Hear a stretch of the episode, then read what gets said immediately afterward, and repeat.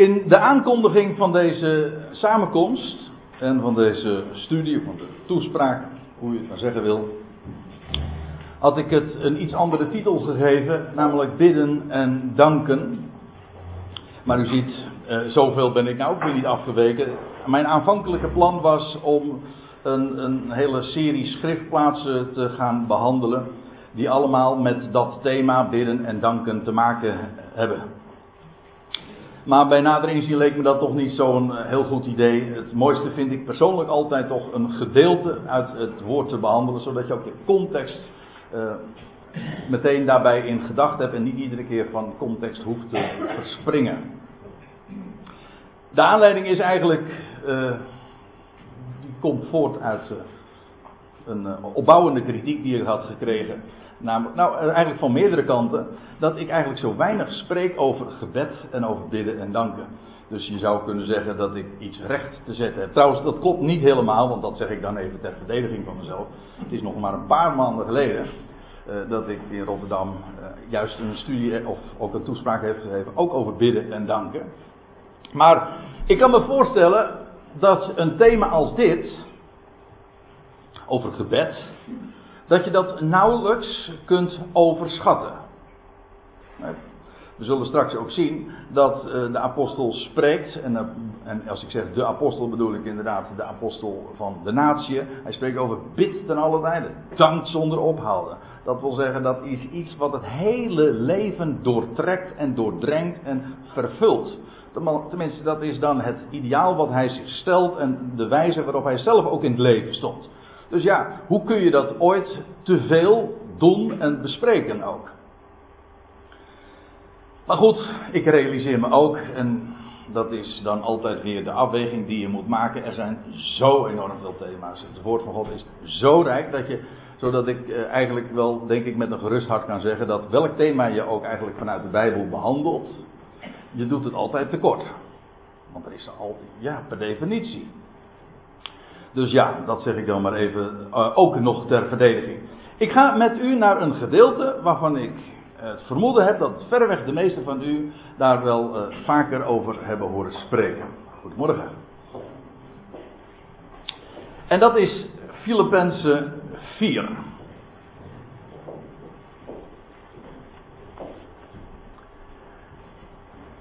Een bekend gedeelte, want er is nauwelijks een gedeelte te noemen in de Bijbel waarin dat onderwerp van bidden en danken zo schitterend uiteengezet wordt in, in hele compacte zinnen, zo kort, maar ook zo krachtig als juist dit gedeelte.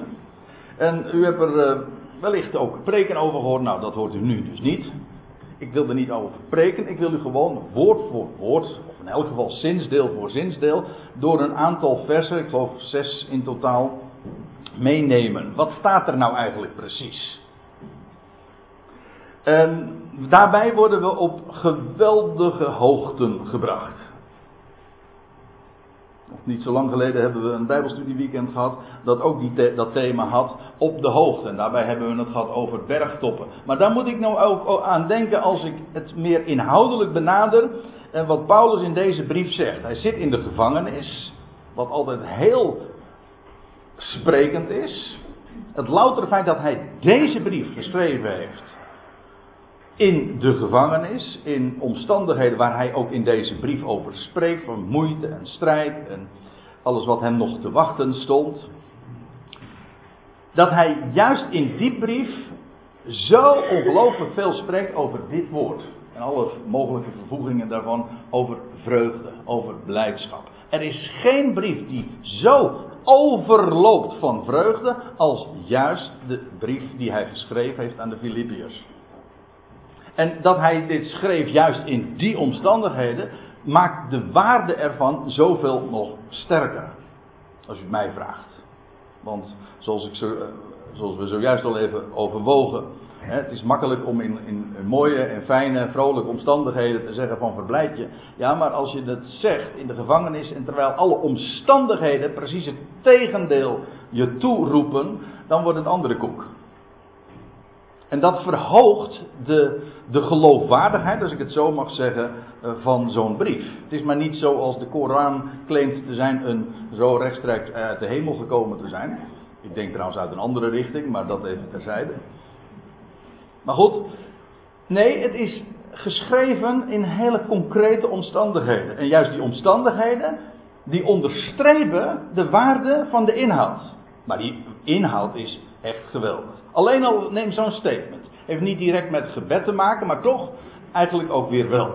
Pas in het volgende vers zal Paulus dat ter sprake brengen, maar dit is echt ook al een, een introductie daarin.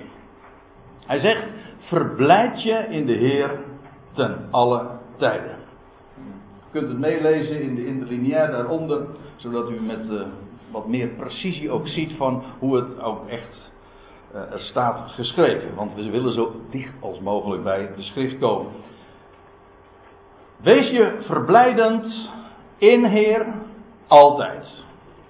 Maar dat woord verblijden, ja, dat heeft, dat, dat, dat, dat heeft te maken met het woordje charis. En charis, dat is ook weer de grondbetekenis van, van genade. Genade, vreugde, maar ook het woord dankzegging in de Bijbel heeft daar alles mee te maken.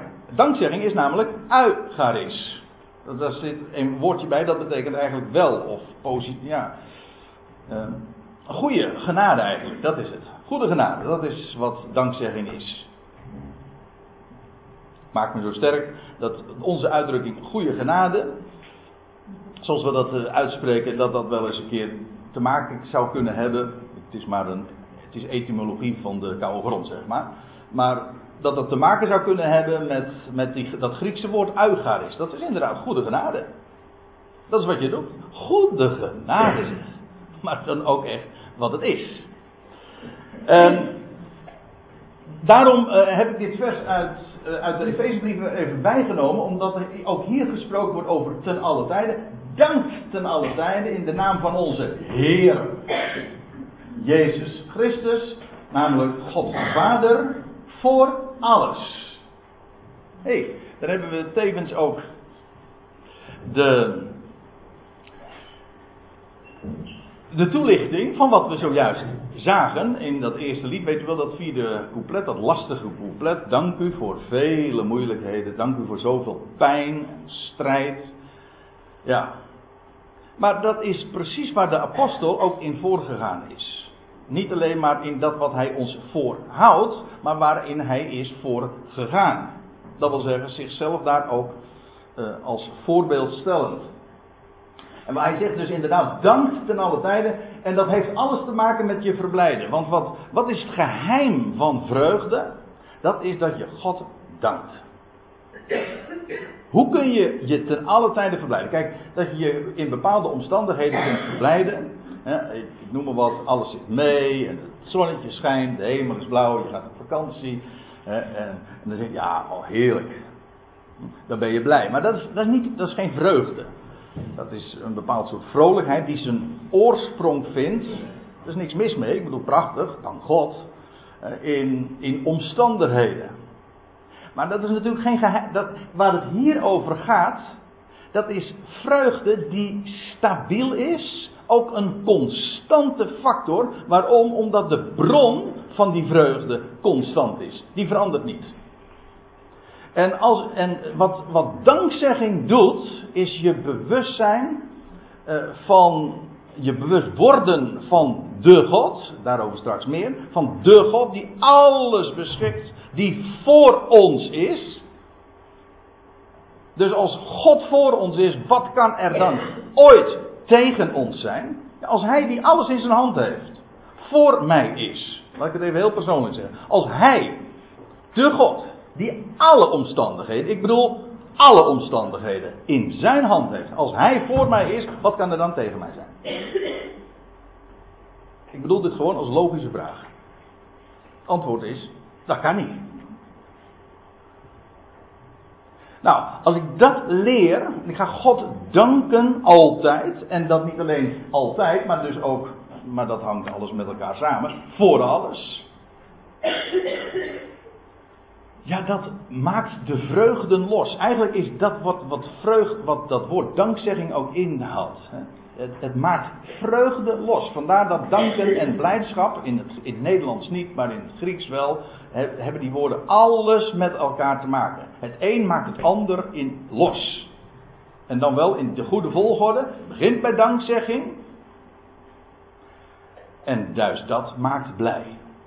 En Paulus zegt dus verblijd je in de Heer. Dat woord Heer, in het Grieks is het Kurios. En dat, dat woord Kurios, dat, is, uh, dat heeft de betekenis van iemand die de dingen bezit. Die een eigenaar is. Als je iemand jouw Heer is, dan ben je van hem. Dat is wat het woord Heer betekent. En trouwens, we hebben in, de, in het voorgaande hoofdstuk, in Filippenzen 3, hebben we een prachtig voorbeeld dat Paulus zegt dat hij zelf een, een, ja, een korte relaas geeft over ja, zijn eigen carrière, als ik het zo mag zeggen. En dat hij zegt van ja, ik heb er zoveel uh, om mij naar het vlees op te beroemen. Zegt, ik ben een, farisee, een fariseer en een, uh, een, uh, naar de gerechtigheid der wet onberispelijk.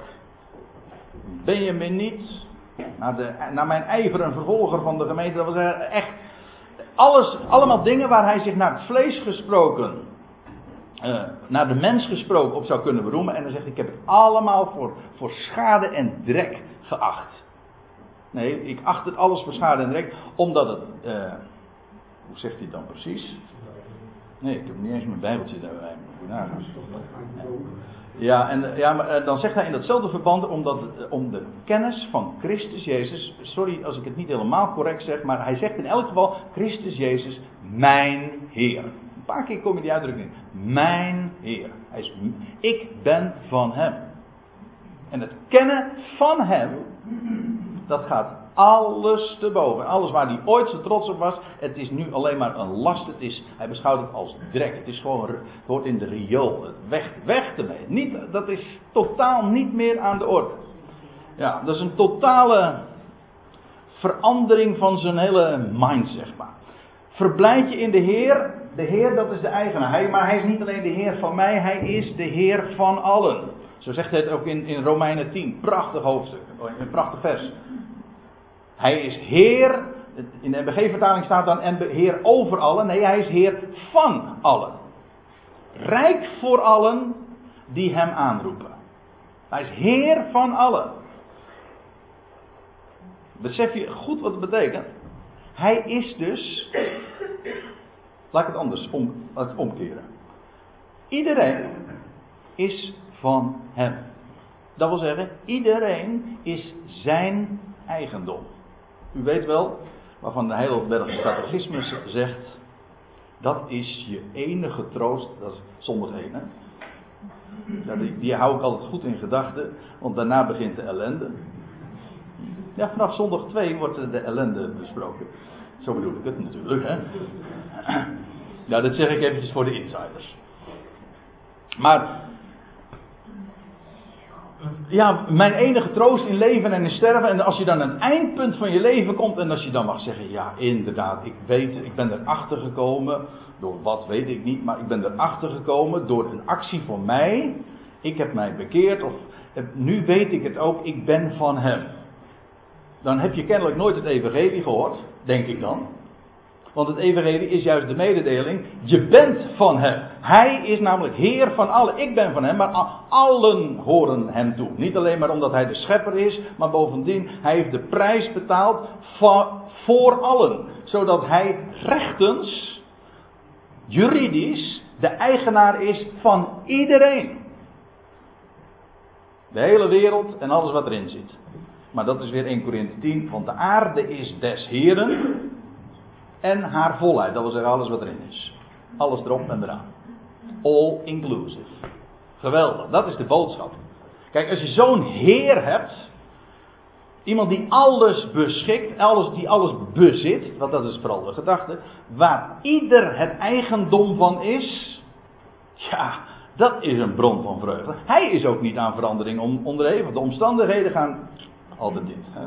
En voor sommige mensen heel erg lang dit, weet je wel diep en soms nog dieper. Ja. Hij is die constante factor. Verblijd je in hem en dan staat er inderdaad bij te alle tijden. Nooit on, onophoudelijk. Dat is het idee. Elke dag weer. Wie, wie zou niet zo'n leven willen leven? Maar het is beschikbaar. Waarom? Hij is er. Dan moet je natuurlijk wel op de hoogte zijn van wie hij is. Het feit dat hij Heer is, is zo'n overstelpende bron van vreugde. En daarom zegt Paulus er dan nog maar een keertje bij, mocht de boodschap niet helder overgekomen zijn. Wederom zal ik zeggen, verklaren eigenlijk, wederom zal ik verklaren, verheug jullie. Eigenlijk staat het in de meervoud dus, hè? dat u is geen enkelvoud, maar meervoud. Verheug jullie. En dan moet u nagaan, hij had het al een heel aantal keren in deze brief gezegd. Ik, uh, ik meen dat het in hoofdstuk 3 is dat hij zegt van, uh, dat hoofdstuk 3 ermee begint van, uh, voortbroeders, verheugt u in de Heer. Hetzelfde voor mij te zeggen, is voor mij, gewoon, dan moet ik weer vrij citeren. mag ik van iemand even een bijbeltje lenen? Want ik ben vergeten mee te nemen. Ja, dat is een handicap als je over het woord spreekt. Ja, je moet het woord ook in je hart hebben. Ja, ja, hij is zo dik, weet je wel. Uh,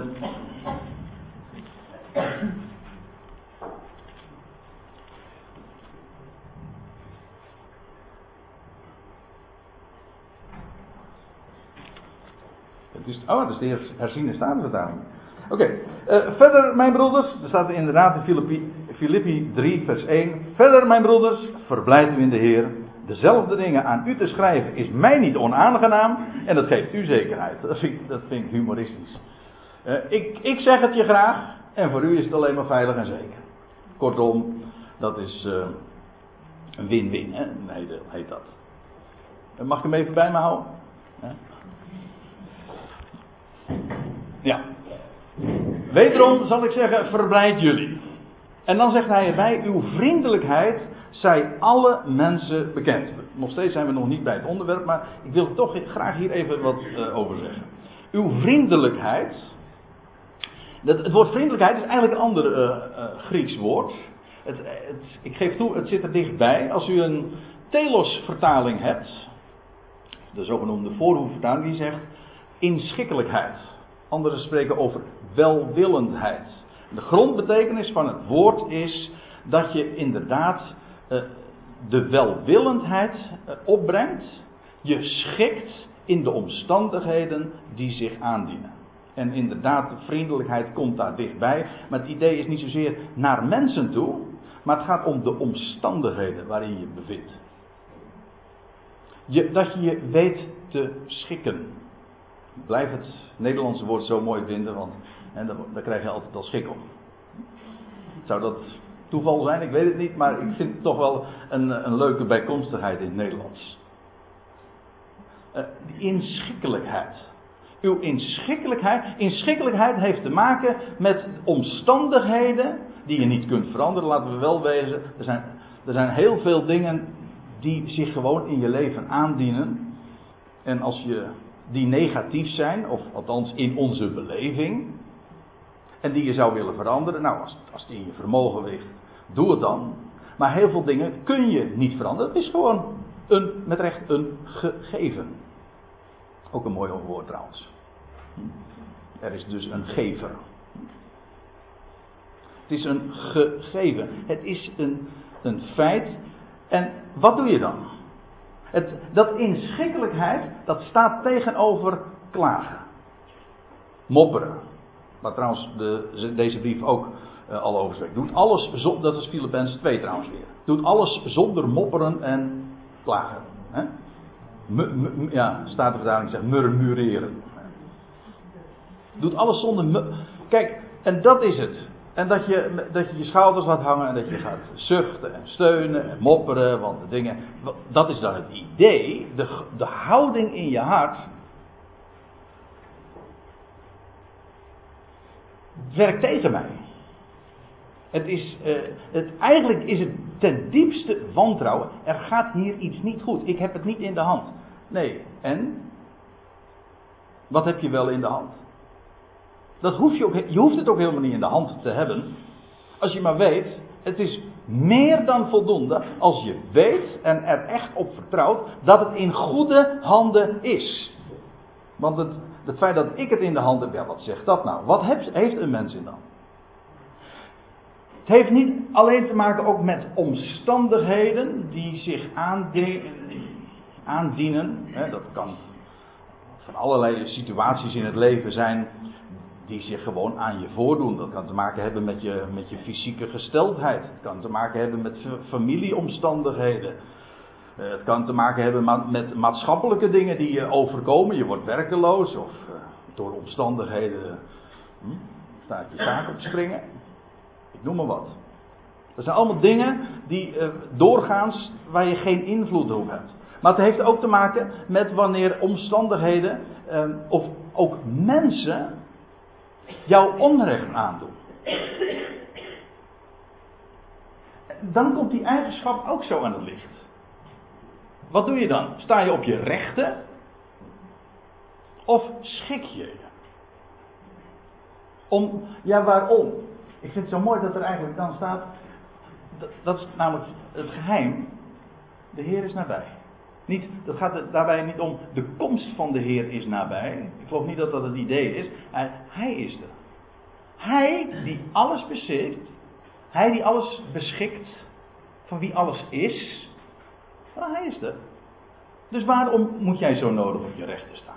Schrik je gewoon. En, en daarvan zegt Paulus, uh, die inschikkelijkheid, uh, laat dat alle mensen bekend zijn. Dat wil zeggen, als ze het over jou hebben, dat ze, dat ze zullen zeggen, van dat is iemand die zich nou altijd schik heeft. Pardon, die zich nou altijd schikt. Dat is iemand die, uh, het is net alsof die iemand heeft, of, of, die, of, of die iemand kent, een hogere instantie kent, die altijd zijn belangen behartigt en dat hij daar alle vertrouwen in heeft. Weet je wel, dat idee. Goh, die anderen weten, die veel. Weten die iets van jouw bron? Ja, als, als, als, ze dat nooit van jou gehoord hebben, of je nooit dat in de gelegenheid bent geweest om dat te vertellen, ja, dan weten ze dat niet. Maar uw inschikkelijkheid zijn alle mensen bekend. Heeft dus ook alles weer te maken met dat het voorgaande. Namelijk het weten dat Hij de Heer is en je daarin te verblijden. De directe gevolg is dat je je ook kunt schikken.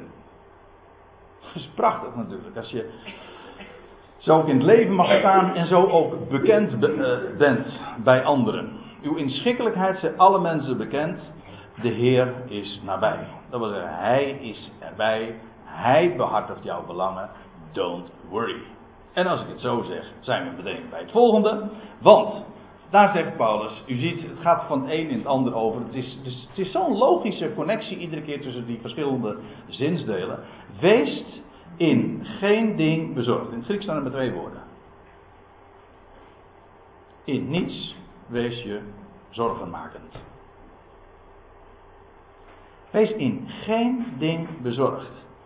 Nou kun je dit opvatten, als je het voorgaande ontgaan is, als de betekenis van het voorgaande je ontgaan is, dan zou je dit als een last kunnen opvatten. Je zegt van, goh, ik heb het al zo moeilijk en nou mag ik me nog geen zorgen maken ook. En dan, en dan, word, je, en dan word je er eigenlijk nog, uh, dan heb je nog een zorg bij. Dan wordt het echt. Dan wordt het echt erg. Ja. Ja, dat is hetzelfde als. Uh, als je dat opvat van. Uh, ik moet mij.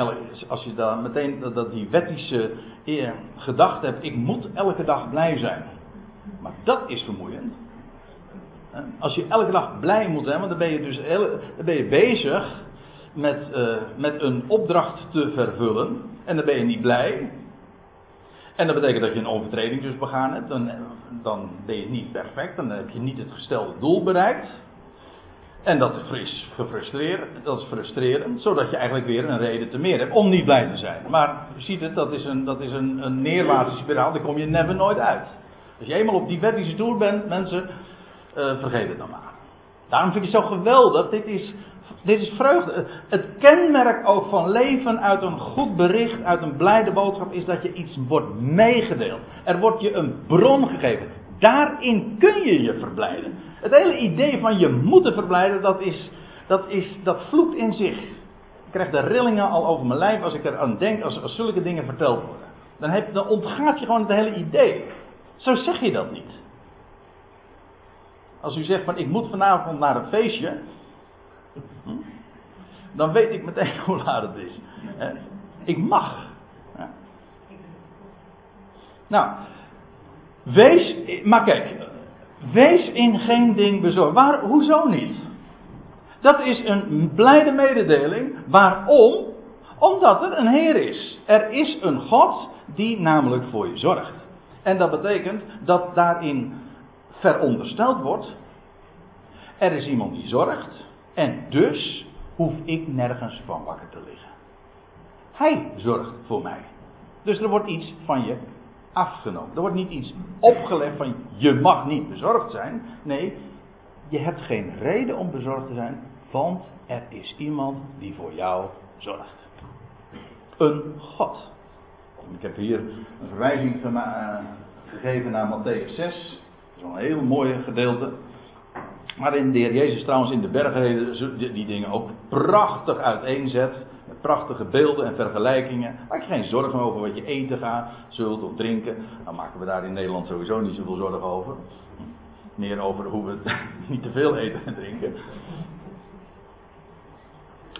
Maar goed, over al dat soort dingen. De, de, de levensbehoeften.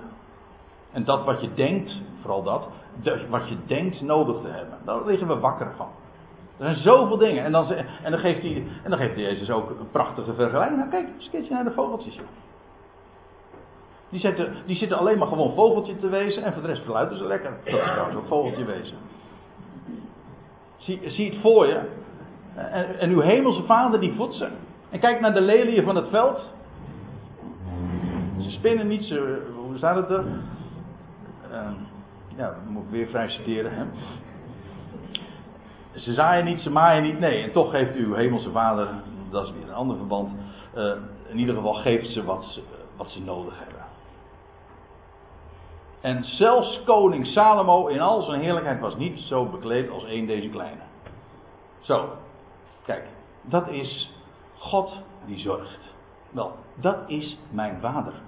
Mijn vader zorgt. Hij geeft me wat ik nodig waarvan hij weet dat ik het nodig heb. Wees in geen ding bezorgd.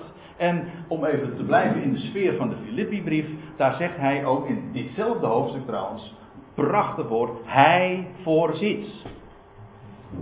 Dat betekent niet alleen maar hij kijkt vooruit, natuurlijk, dat doet hij ook. Want hij van den beginnen verkondigde hij al de afloop. Maar hij voorziet, dat wil zeggen, juist omdat hij alles ziet en overziet en voorziet, kan hij ook voorzien. Naar zijn rijkdom.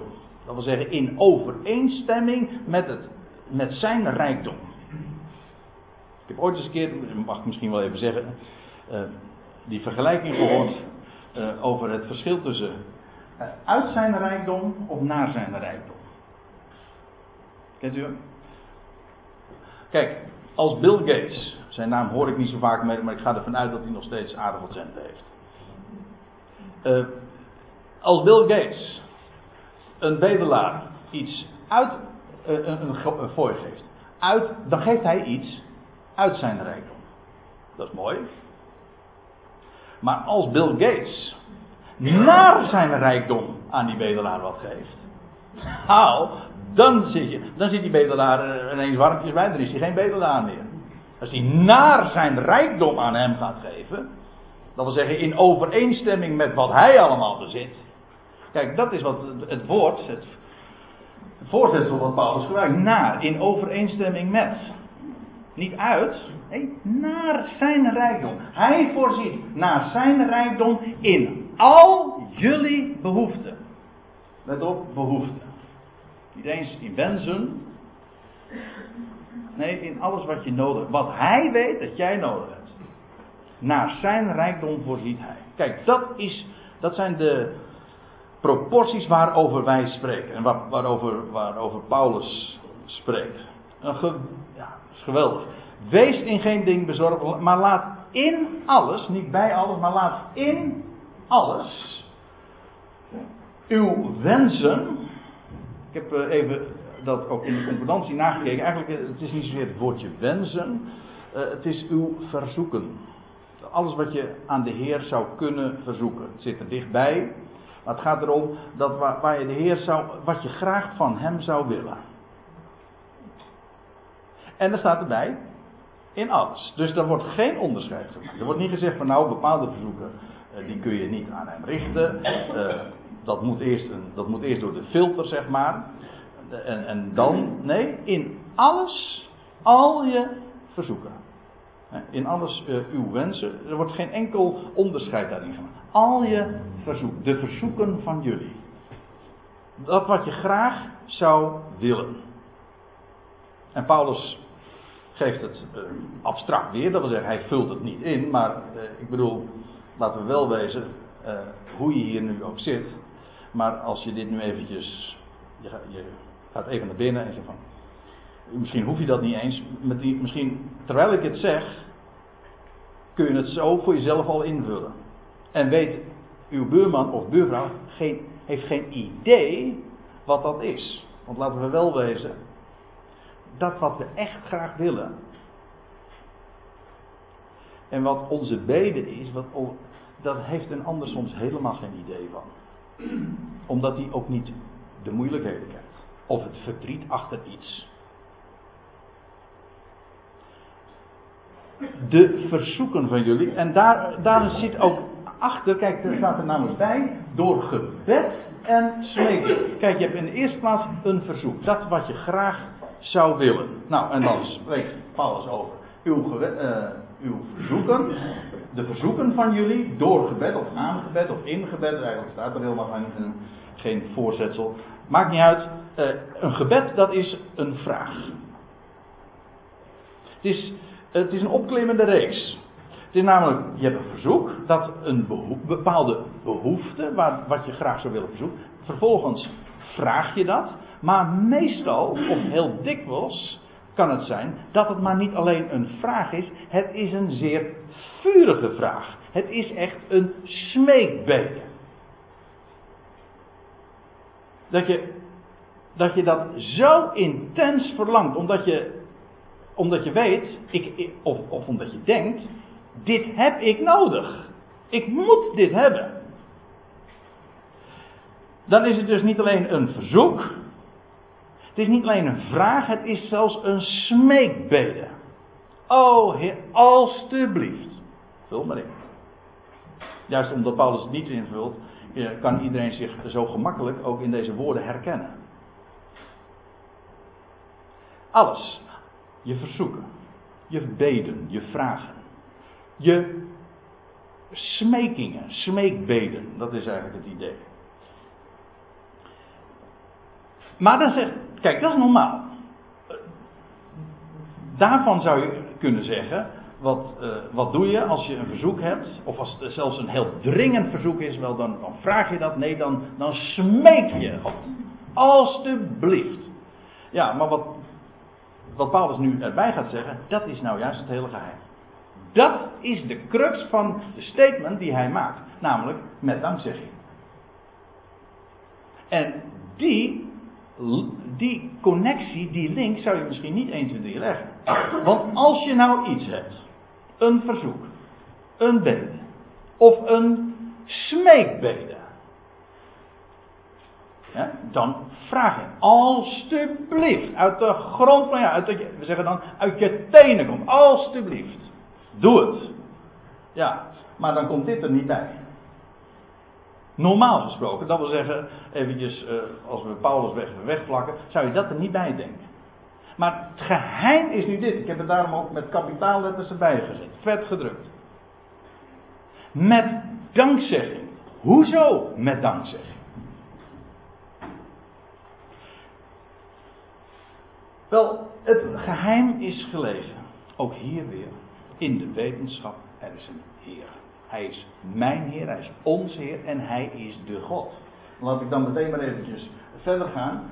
Uh, want er staat, laat, het zo, laat dat bekend worden bij God. Maar u ziet, dat staat letterlijk ook hier. Ik vind het prachtig. Je ziet het zo dikwijls in het Grieks. dat het Nederlands idioom dat misschien niet zo goed toelaat. Maar er staat er niet de God, maar de God. Dat klinkt zo, daar komt zoveel meer kracht. Hij is maar niet zomaar God. Hm, er zijn goden in menigte, zegt Paulus. Nee, maar voor ons is er slechts één God. Dat wil zeggen, de God. En als, ik, als je dan nog even bij betrekt wat het woord God betekent, wordt helemaal concreet. Degene die alles neerzet, plaatst, stelt, beschikt. Hij is de God. Hij is mijn God, maar hij de God die alles beschikt. En omdat hij de God is, kan ik hem op voorhand danken. Voor dat wat ik hem, voor dat wat ik hem verzoek, wat ik hem vraag, wat ik, wat ik hem misschien smeek. Waarom? Omdat ik weet dat ik het zal krijgen? Nou, niet noodzakelijk. misschien zeg ik het zelfs nu nog te, te sterk. Maar laten we het even, laten we het, de puntjes op die zetten. Waarom kun je God op voorhand, zoals wij dat ook zeggen, je stuurt aan iemand een verzoek en dan kun je God, uh, of dan, je geeft iemand een vraag door en je zegt dan, en je sluit dan af, nou, bij voorbaat dank. Waarom? Dat doe je omdat je weet, uh, die ander zal het doen. Je vertrouwt daarop. Bij voorbaat dank. Uh, dat is eigenlijk hier ook de gedachte, want je hebt een smeekbeet en je zegt, en je spreekt het uit, je maakt het bekend bij de God met dankzegging. Bij voorbaat dank. A. Omdat Hij bij machten is om dat wat jij verzoekt te geven. Dat is sowieso het geval. Dat is de reden waarom je Hem kunt danken. Altijd, met dankzegging dus. Reden 2 is dat als mijn verzoek, als mijn vraag, als mijn smeekbeden niet is, niet het, laat ik het anders zeggen, niet het beste is, dan zal God mijn verzoek niet honoreren, maar gaat hij iets veel beters geven. En dat is dus wederom een reden om te danken. Want laten we wel wezen, dat wat je God vraagt, is dat het beste? Ja, in je eigen beleving wel, daarom, zou, daarom smeek je hem er ook op. Of je vraagt hem. Of... Natuurlijk. We zijn allemaal zulke goede adviseurs van God. Ja. Want wij zouden het wel weten. Zeker wat onze eigen omstandigheden betreft. Ik weet wel hoe het eh, veel beter zou kunnen in mijn leven. Ja. Maar weet je dan niet dat er één is? Dat er een God, één God is. En Hij beschikt. Hij overziet. Hij voorziet. Hij weet wat ik nodig heb. Hij weet ook wat ik niet nodig heb. Hij geeft per definitie het beste. Dat weet ik op voorhand. Hij geeft altijd het beste. Ik was, het was een uitspraak, zo heb ik me laten vertellen van Maarten Luther. En ik vind hem altijd nog erg mooi. Als wij God zilver vragen, dan geeft hij goud. En zo is het. Dat is, zou, het zou me niet verbazen of het is een uitspraak gebaseerd op Filippenzen 4, vers 6 en, en, en het volgende vers. We vragen zilver en hij geeft goud. En dan kunnen wij vervolgens uh, gaan bekvechten. Heeft God ons gebed dan verhoord, ja of nee? Ja, dat wordt een beetje lastig, want ik kan zowel ja als nee verdedigen. Maar maakt niet uit. Maar ik ben blij dat als ik iets goeds vraag, dat God het niet geeft, want hij zegt: nee, nee, je bent mijn kind, je bent mijn schepsel, ik geef jou het beste. Het allerbeste. En dat besef, dat besef, dat vertrouwen dat Hij de God is. En dat je dus al je verzoeken, je beden, je smeekbeden, je smekingen, kun je altijd vergezellen met dankzegging. Omdat Hij bij macht is het te geven en in elk geval, als Hij het niet geeft, dan geeft Hij iets veel beters. Dus als je het niet krijgt, dan weet je, dan, dan komt er iets nog veel beters. Kijk, dat, is natuurlijk, dat, dat voert ons op zo'n geweldige hoogte. En dat maakt ook zo enorm blij. Ja, kijk, als dit theorie is, dan zegt u misschien van nou, sorry, maar ja, dan bent u misschien al lang afgehaakt. Nu, terwijl ik dit zeg. Kijk, als theorie is, maar dan zeg ik van ja, gewoon, dan had dan lekker thuis gebleven. Ja, sorry, ik klink nou, uh, dat vind ik ook niet zo aan. Maar begrijpt u, hier heb je niks aan. De waarde van deze woorden is juist gelegen in de praktijk. Dat het echt waar is. En laat, ik verder gaan. Dus, dan zegt de apostel. En de vrede van God. Kijk, het, ging, het onderwerp was nog steeds, laten we even nog teruggaan, die, die verzoeken. Die je met gebed en smeking bekend maakt bij God, maar met dankzegging. Als je dat met dankzegging doet, dat wil zeggen in het besef dat Hij de God is en degene die jou het beste geeft, weet je wat, wat je dan krijgt? Nou, niet noodzakelijk dat wat je hem verzocht, of waar je om hem, om hem gesmeekt, maar in elk geval krijg je dit. En dat is iets wat alles overtreft. Namelijk de vrede Gods. Ook hier trouwens weer dat bepaalde lidwoord voor God. En de vrede van de God. Moet je even trouwens bij stilstaan. Want we hebben een, een term, ook in de brieven van Paulus, die daar uh, als twee druppels water op lijkt. Maar die toch uh, echt hemelsbreed daarvan verschilt. Of echt iets, iets compleet anders is. Paulus spreekt in Romeinen 5 vers 1 dat we gerechtvaardigd zijn door geloof, staat er. En dan staat er, wij hebben vrede met God. Dat wil zeggen, we kijken hem recht in de ogen aan. Gereinigd geweten, gerechtvaardigd, in zijn ogen rechtvaardig. En dus hebben we vrede met God. Maar dat is niet wat hier over gesproken wordt. Er wordt niet gesproken over de vrede met God. Er wordt gesproken over de vrede van God. Van de God. En wat is de vrede van God? De vrede van de God is de vrede die God, de God, zelf heeft. God, de God, die dus alles kent, die alles stuurt, die alles geïnitieerd heeft, de hele schepping, die van tevoren, die voordat er iets was al de afloop verkondigde.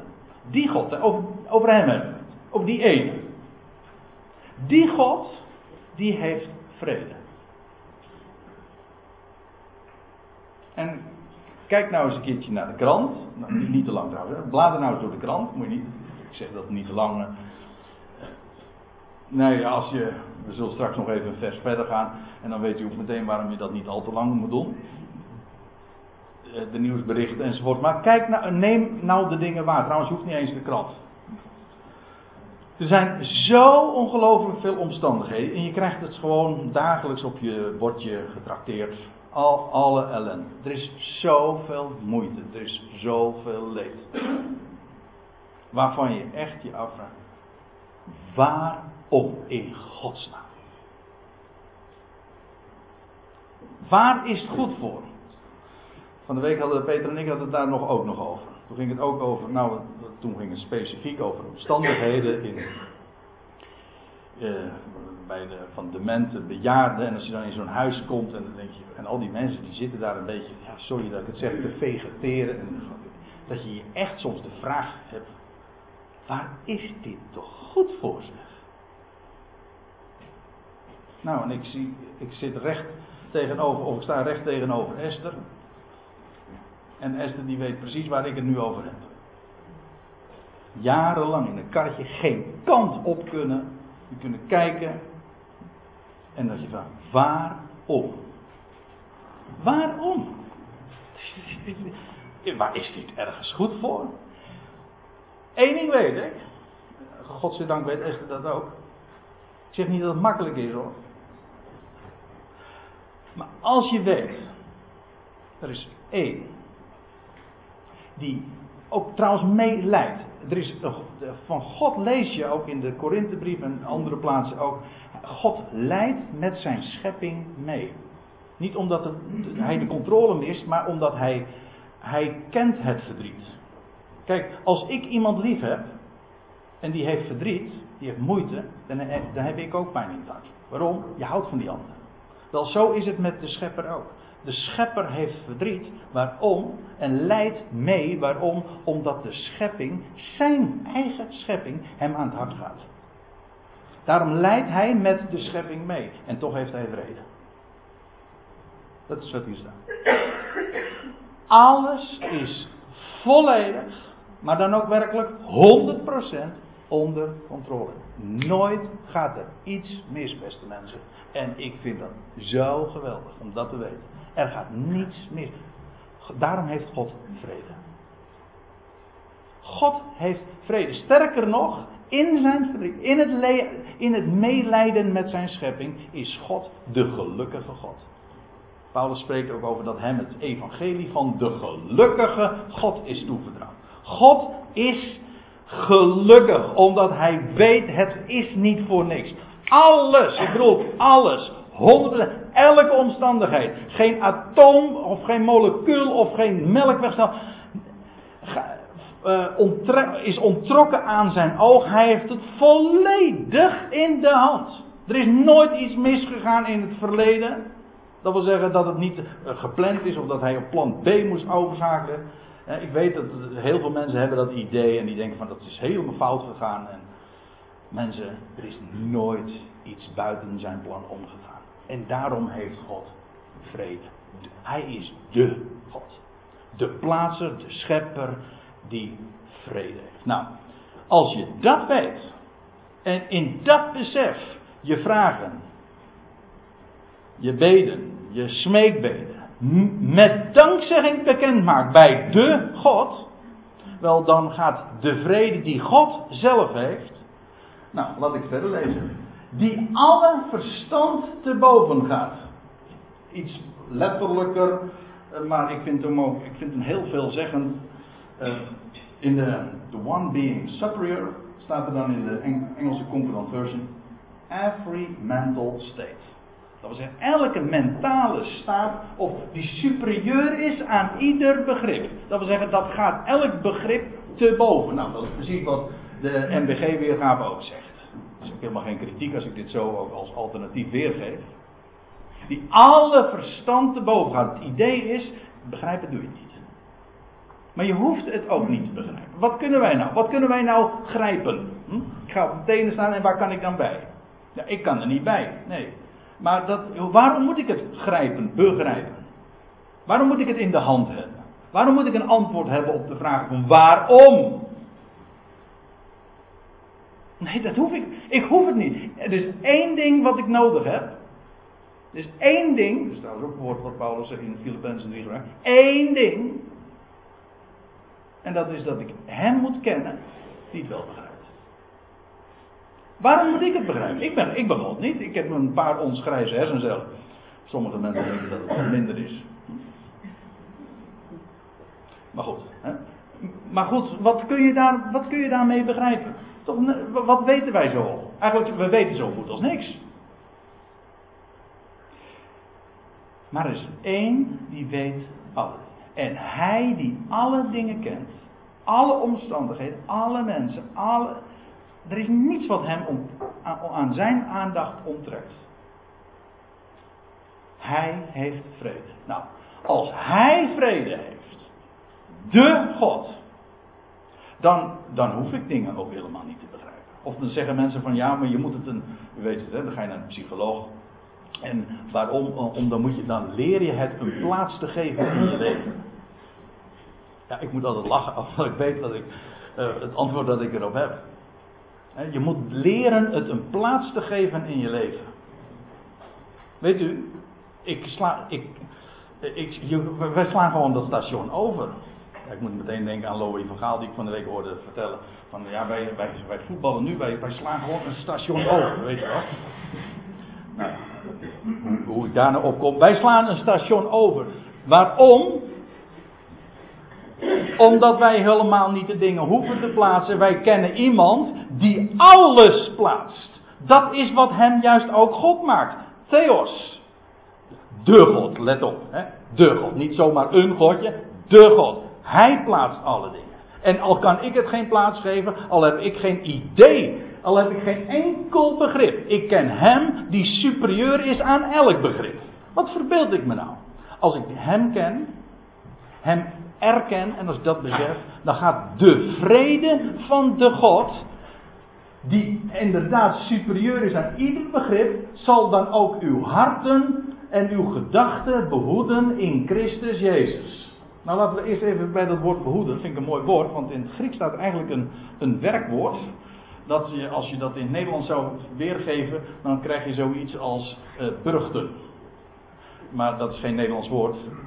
Dus als je het dan weergeeft als in een burcht of als in een vesting bewaren. Dus uh, die vrede van God, wat doet die? En de vrede van God, die, die superieur is aan elk begrip, die zal je harten, dat wil zeggen, je hart, dat, is, dat betekent maar niet uh, je gevoelens alleen. Je, je hart is gewoon de binnenkant. Dat omvat trouwens ook je verstand. Hè? Je overlegt ook met je hart. Het hart is maar niet die pomp alleen. Sowieso in de Bijbel eigenlijk helemaal niet. Het is gewoon de binnenkant. Zoals wij spreken over het hart van de stad. Het is gewoon het centrum, de binnenkant. Het middelpunt. Die zal je hart, gewoon de binnenkant, dat wat de mensen dus niet zien, maar hij wel. Maar die, die vrede zal, die elk verstand erboven gaat, zal je hart, je binnenkant, gewoon wie je dus echt bent, zal dat als in een vesting bewaren. Dat wil zeggen, je bent daar onaantastbaar. Het woordje behoeden uh, is prima, maar is eigenlijk, als u mij vraagt, veel te uh, eufemistisch. Het is, het, het, woord, het is veel meer. Het is in een vesting, een vesting namelijk waar je onaantastbaar bent. Dan is de vrede van hem, wordt de vrede van jou. Zijn vrede. En zal je hart, de binnenkant, gewoon van binnen, wie je echt bent. Hè? De buitenkant zegt niet zoveel. Nee, die zal je van binnen inderdaad als in een vesting bewaren en bovendien ook je gedachten. Hè? Uw harten en uw gedachten. Sommige mensen hebben gezegd dat woordje en betekent hier gewoon namelijk uw harten, namelijk uw gedachten. Maar het betekent gewoon, als het mij vraagt, onze binnenkant. Onze overleggingen, even onze emoties. Ja, want natuurlijk, dat stuurt het. Vrede, dat is stabiliteit. Ik bedoel, Gods hart wordt in beweging gebracht door onze verzoeken. Want hij, hij leeft met ons mee. Uiteraard. Hij houdt van ons. Maar zijn troon wordt echt niet aan het wankelen gebracht door uh, onze moeite hoor. Dacht u dat nou werkelijk? Nee dat wat voor ons moeilijkheden zijn, ja, dat God over, overziet. Hoe vaak hebben wij het niet? Dat wij, je hebt, je hebt een, een, ooit God iets gebeden, misschien wel echt gesmeekt. En waarvan je achteraf zegt: God, ik blij dat dat niet gekregen. Ja. Of dat we bepaalde dingen gepland hebben. En uh, wie was het? Het was een Engelse zanger, geloof ik, die het, uh, zei: uh, Als je God wil laten lachen, dan moet je hem je plannen vertellen. Wie was het ook alweer? Robbie Williams, oh ja, die was het. Prachtig, prachtig nummer trouwens. En het is een mooie. Als je God wil laten lachen, dan moet je hem vertellen wat je van plan bent. Hij is de God. En God, weet je waar God ook zo verschrikkelijk om lacht? Om al die natieën die in de weer zijn en conferenties houden en weet ik veel wat allemaal plannen en beleggen en die in de hemel zitten, die lacht, ligt in een deuk, als ik het heel, heel oneerbiedig mag zeggen. Echt waar, daar wordt geschaterd zeg. Wat denken ze wel? Maar ook onze moeite, ik geef toe, dit is een wat andere context, want dan hebben we het ook over onze eigen moeite. Maar God, laat ik het dan zeggen, glimlacht. Hij weet zoveel meer en beter. En de vrede van Hem zal je harten, je gedachten behoeden. Dat, gaat, dat structureert dat je emoties. Je, het, het, stuurt ook je gedachten. Want het wordt, je wordt je er ineens van bewust dat mijn, mijn begrip. Ja, wat stelt dat nou voor? Waarom moet ik dingen kunnen begrijpen? Waarom moet ik dingen kunnen plaatsen? Hij is de plaatser. Hij verstaat alle dingen. Hij is alvermogend. Wel, dat zal je harten en gedachten behoeden staat erbij in Christus Jezus. Waarom staat dat erbij? Wel, we zijn in Hem geplaatst.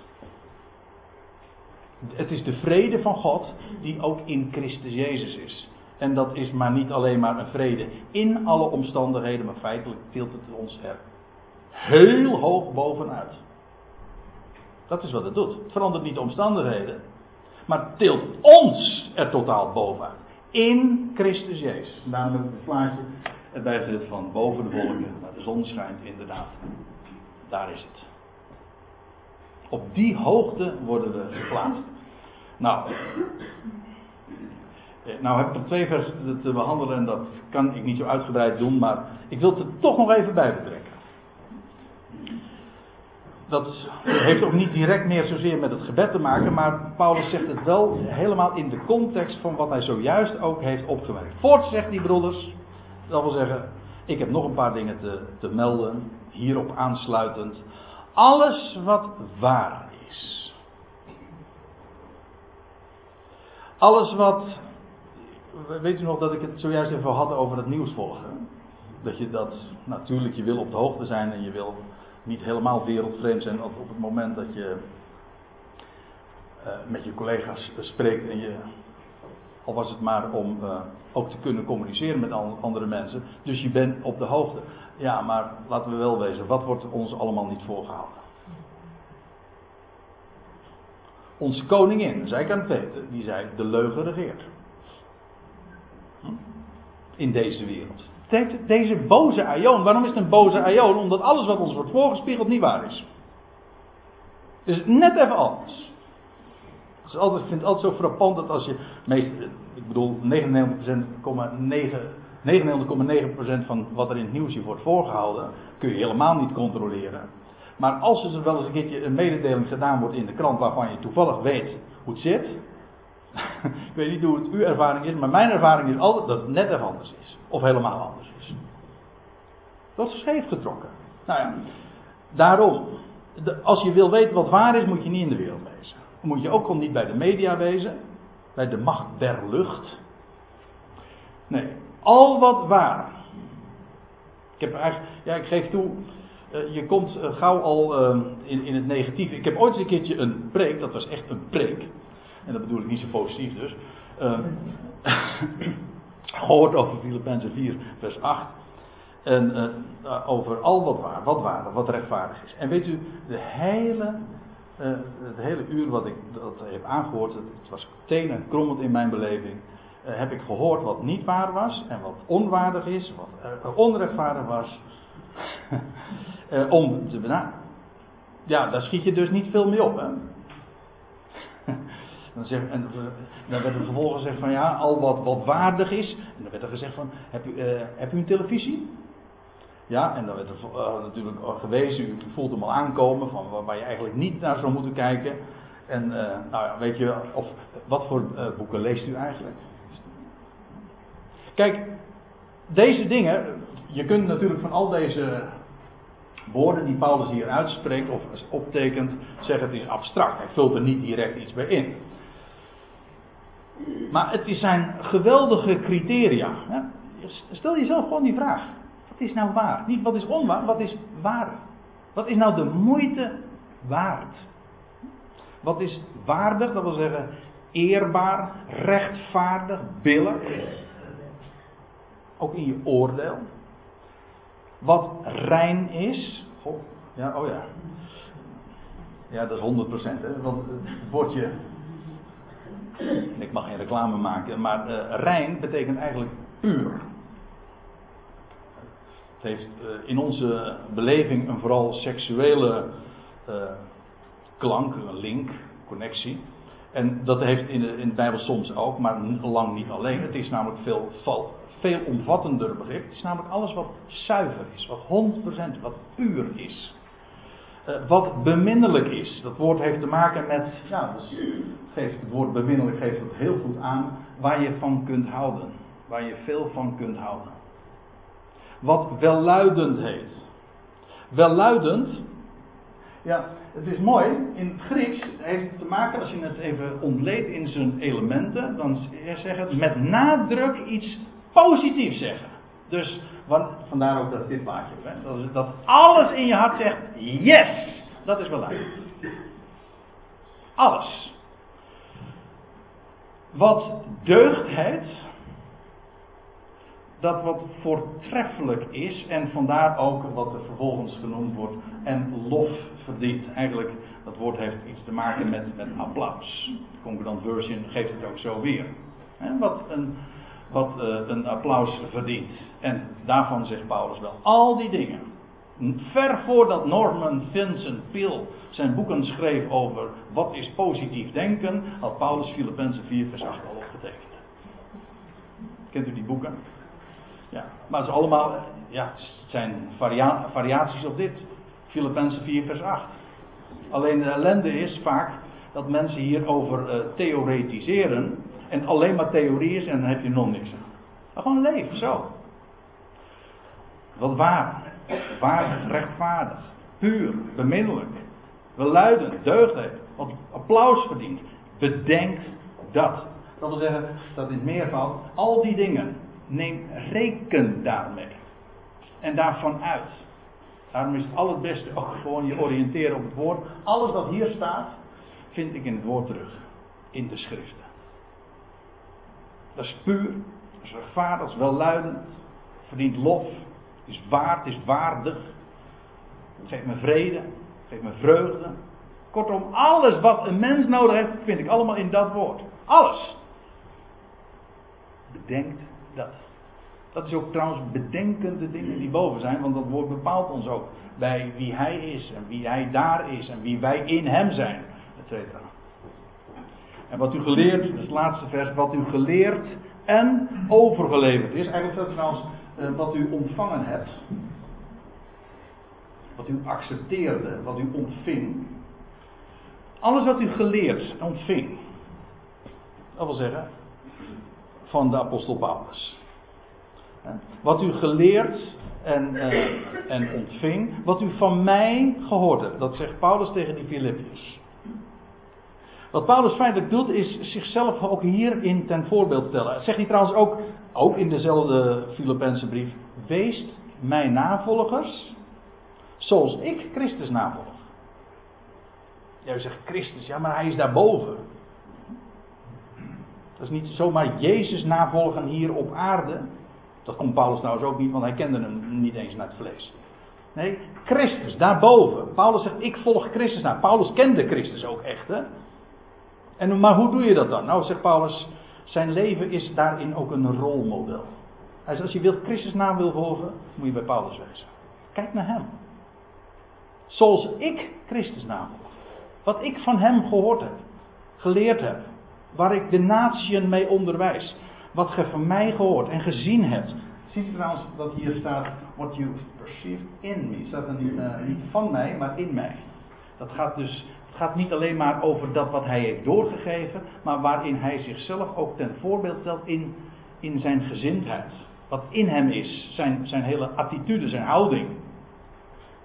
Wel, zegt Paulus, breng dat in toepassing. Of staat eigenlijk, hier, u ziet het haast, je kunt het haast nog herkennen in de Griekse letters, maar er staat letterlijk dus, uh, praktiseer dat. Het gaat er niet over praktiseren, nee, praktiseer dat. Dat is de praktijk. Dat is de praktijk. Zo mag je leven. Paulus leefde zo.